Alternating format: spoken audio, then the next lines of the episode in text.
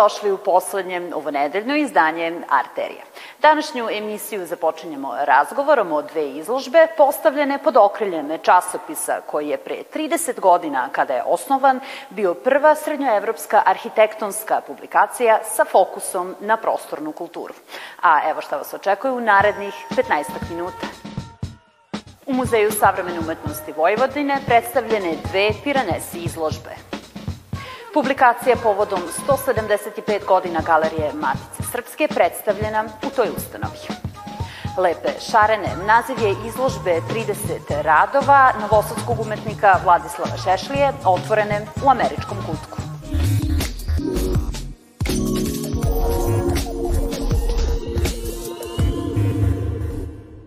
Izložba za nagradu Piranesi postavljena je 26. novembra prošle godine u Portorožu, a nakon toga nastavila je svoje putovanje širom Evrope. Sada je stigla u Novi Sad, a dopunjena je izložbom povodom 30 godina postojanja časopisa Piranesi. Pet arhitektonskih projekata realizovanih od strane srpskih autora odabrao je kritičar i arhitekta Andrej Strehovec, naš današnji gost. Dobrodošli. Hvala. Po čemu su se izdvojila arhitektonska rešenja koja su se našla na izložbi? Piranezi dešavanje datira u godinu 1984. kada je počela konferencija Piranezi. Onda je to nadgrađeno 1989. sa a, nagradom Piranezi a, i kasnije sa a, časopisom, odnosno magazinom Piranezi koji je krenuo da izlazi 1992. A, I ova postavka je sada na neki način jedna polovina, jer ovo su, ovo je izložba dva u jedan, ako mogu tako da kažem, a, je Piranesi nagrada 2022. A, I tu postoje tu godišnji a, visoki i vrhunski kriterijumi za a, nagrađivanje radova i za selekciju tih radova. Tako da, u stvari, za Piranezi nagradu postoji međunarodna ekipa selektora iz 11 srednje evropskih država, da tako kažem, i taj broj se povećava svake godine. Recimo, sada je ovo četvrta sezona za Srbiju, treća sezona za studentske radove iz Srbije, uključila se u poslednjim godinama i Crna Gora i Bosna i Hercegovina, tako da se ovo dešavanje nekako vraća i ponovo širi na području gde je već u osnovi 1984. bila smiš, smišljen koncept Piranezi za konferenciju, a, to jest Piranski dani, arhite, Piranski dani arhitekture.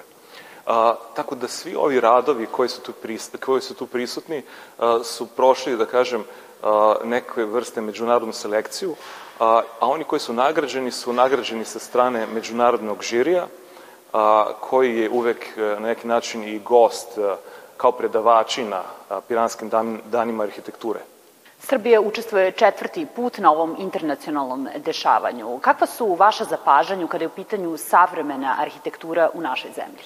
U smislu stručnog aspekta, a, meni je jako drago, mada nije jednostavno a, svake godine da se odabere pet a, radova koji mogu da a, nekako se mere sa ostalim radovima iz Srednje Evrope, znači to su radovi iz Austrije, Italije, Mađarske, Češke, Slovačke, Hrvatske, Slovenije, Grčke, a, sada i Bosne i Hercegovine, Crne Gore i tako dalje i Slovenije, da se nekako mogu da se a, prikazuju na istoj postavci i, i da se pokaže nekako koje su tendencije, arhitekture koje, savremene ili da kažem u kojoj meri oni mogu da prate ono što je neki ideal arhitekture i kulture a, bivanja koji prati a, ovaj koncept Piranezi, Piranskih dana arhitekture i časopis Piranezi.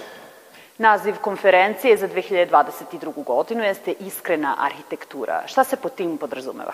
Svake godine konferencija nosi određen naziv, A, I ja sam to razumem da to jednostavno a, se to uzima iz nekog, da kažem, bazena nekih ideja koje postoje, unu, koje, koje postoje unutar arhitektonske struke. Sada mislim, ovo nije jednostavno pitanje a, koje ste postavili i ja mislim da je a, to i smisao toga, jer šta se pokazuje da se onda u okviru konferencije Piranske dani arhitekture tu pojavljaju članovi žirija ili ostali izlagači koji ima predavanja i oni se referišu na, na tu temu.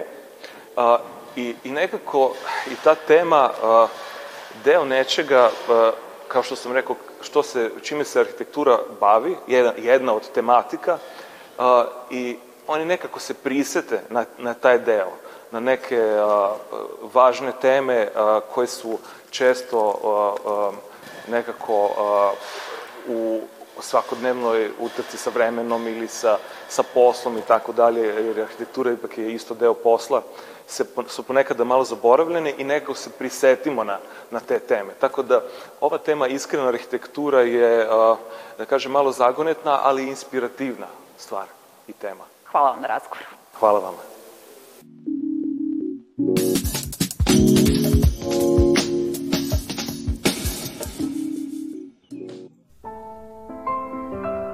Knjiga Ponos nacije 175 godina Galerije Matice Srpske, autorke i prve dame jedne od naših najznačajnijih ustanova kulture, donosi njen istorijat i ukazuje na njenu ulogu u izgradnji nacionalnog identiteta putem prikupljanja, izlaganja i predstavljanja dela likovne umetnosti uz priču o ljudima, događajima i trenucima koji su neosporno odredili taj identitet.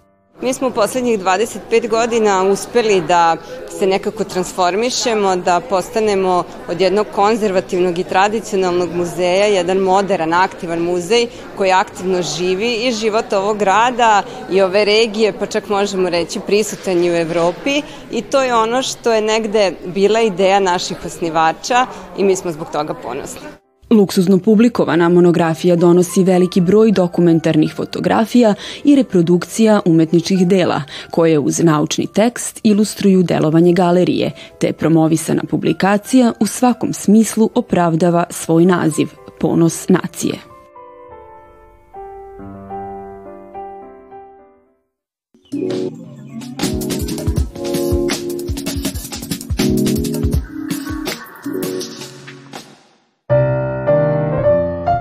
Slikar koji je u svom umetničkom izrazu okrenut abstraktnim formama, Vladislav Šešlija novosadskoj publici predstavio se u američkom kutku izložbom radova Lepe šarene. Nakon brojnih samostalnih izložbi u drugim gradovima, autor kaže da je sada pravi moment da slike predstavi i ovdašnjoj publici, a na ideju je došao slikajući zajedno sa svojom unukom koja je i bila gost na otvaranju. Nije to nešto novo, to je slično, ja, to, ja uvek istu sliku slikam u stvari. Ali, mada volim kad izgledaju ovako slike, kad, kad ljudi pitaju ko su autori, malte ne, ono, uđu unutri kao šta je ovo, ko su autori. Kao da nema veze neke direktne, ovaj, da, da je to neki ciklus. Tako sam ja uvek voleo da radim. Izložbom od 50 radova obuhvaćeni su novi, ali i pojedini radovi nastali u proteklih sedam godina. Inspiracija mi je bila u stvari onaj William Saroyan, jedan američki pisac jermenskog porekla, koji je u knjizi Zovem se Aram opisivao sve događaje iz njegovog detinjstva i opisivao iz ugla deteta kako on vidi to, taj, taj boravak uh, Jermena koji, koji nose u sebi tu svoju otačbinu. Radovi nastali u umetnikovom ateljeju na Petrovaradinskoj tvrđavi rađeni su u tehnikama ulja i akrilika na platnu, a izložba će biti otvorena do 24. februara. Galeriji Mostovi Balkana u Kragujevcu izložbom slika Homo Ludeus, čovek koji se igra, predstavio se slikar i fotograf Mioljub Mile Jelesijević. Kroz 17 slika rađenih akrilom na platnu urađena je refleksija onoga što je autor izložbe video i kroz objektiv fotoaparata u višedecenijskoj karijeri. To je u stvari podeljeno. Ovaj, to je moje detinstvo gde ovaj, taj Mediteran na slikama, to je refleksija mladosti, i stvari viđenje tog naroda dole u Crnoj Gori. Drugi deo je Kosovo. Ta nesreća, srpska nesreća, refleksiju svega ono što sam, ili ja, dok sam u politici bio, ja sam samo radio ratove i nesreće. Fotografsko iskustvo u kombinaciji sa likovnim izrazom daje živost slikama uhvaćenim u jednom pokretu i trenutku. Mila Jelisijević nas se ovog puta predstavlja sa opusom o, koji je rađen unazad jedno deset godina. Ova izložba se zove Homo Ludeus, odnosno čovek koji se igra. I on se zaista igra bez obzira na svu slikarsku ozbiljnost gde nam se on predstavlja kao jedan vrsan poznavalac zanatskog umeća. Živopisnu izložbu Kragujevačka publika će moći da pogleda do 21. februara, a ovom postavkom je i otpočela nova sezona u galeriji Mostovi Balkana.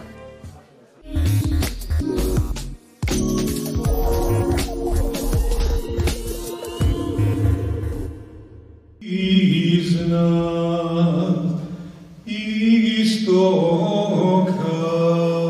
Program iznad istoka i zapada srednjovekovnih srpskih melodija sa tematikom Nemanjićke Srbije, Kosovski ciklus i druge pesme nastale s početka 20. veka rađen je u okviru programa Novi Sad, Evropska prestonica kulture, a stigao je i u Staru Pazovu. Uz spojca Ljubu Manasijevića iz Beograda, solo i u duetima nastupila je i Zorica Belić, operska solistkinja iz Novog Sada. Tu su divne melodije inspirisane starom Nemanjićkom Srbijom, srednjovekovnom godinom, tako i počinjemo koncert temama cara Uroša, Jelene Anžujske, Doline Jorgovana, zatim preko divnih kosovskih drugih pesama, uh, zatim Mario Bela Kumrio, uh, Gora Ječi, mnoge, mnoge druge kompozicije, a nakon toga stižemo programski do Vojvodine, i do kompozicije Isidora Bajića, takođe i Josifa Šlezingera. Za muzičku pratnju se pobrinuo ansambl za ranu muziku Renesans pod rukovodstvom Ljubomira Dimitrijevića, koji se već više od pola veka bavi sakupljanjem stare srpske muzike. Kada radimo ovakve programe, ja se uvek nosim jednom mišlju, a to je nije sramota pevati tuđe pesme. Sramota je zaboraviti svoje. Naš narod je kroz ove pesme zaista sažao svu mudrost ovog sveta. I samo treba to saslušati i slediti. E upravo ovakvi koncerti, u stvari ovakva posela, čine da se danas, do današnjeg slušalca, dopre i da jedan uh, iskreni, autentičan način prikažemo svu mudrost naših starih koje su kroz svoje pesme iskazivali u mnogo, mnogo težim vremenima nego što su ovo danas. Članovi ansambla Renesans su svirali na starim instrumentima kao što su frula, lauta, šargije, autentični udarački instrumenti i violina, što je doprinelo posebnom doživljaju etnorariteta sabrane srpske muzike u kojima je publika uživala. Organizator ovog muzičkog događaja bio je Centar za kulturu, a pokrovitelj opština Stara Pazova. Bilo bi to sve što vam je ekipa Arterije pripremila za ovu nedelju. Sa najnovim vestima iz sveta umetnosti i kulture vidimo se već u ponedeljak, a do tada prijetan vikend.